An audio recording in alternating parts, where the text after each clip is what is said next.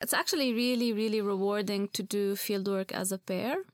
I find not only for the logistics. I mean, the difference between uh, expert spaces and um, and uh, ethnographic space is the question you ask first. Like, what kind of question are you asking?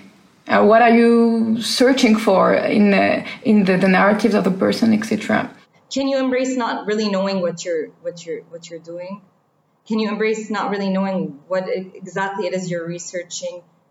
What what is it? Is it is it? Um, can you embrace the uncertainty around um, your research question, not having really a research question, a clear research question anymore, throwing them out, letting the field just take you.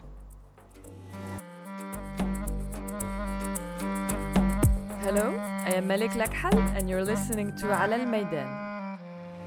In Ala Al I will be interviewing researchers, journalists, and art practitioners about their experience with fieldwork. The Arab Reform Initiative podcast.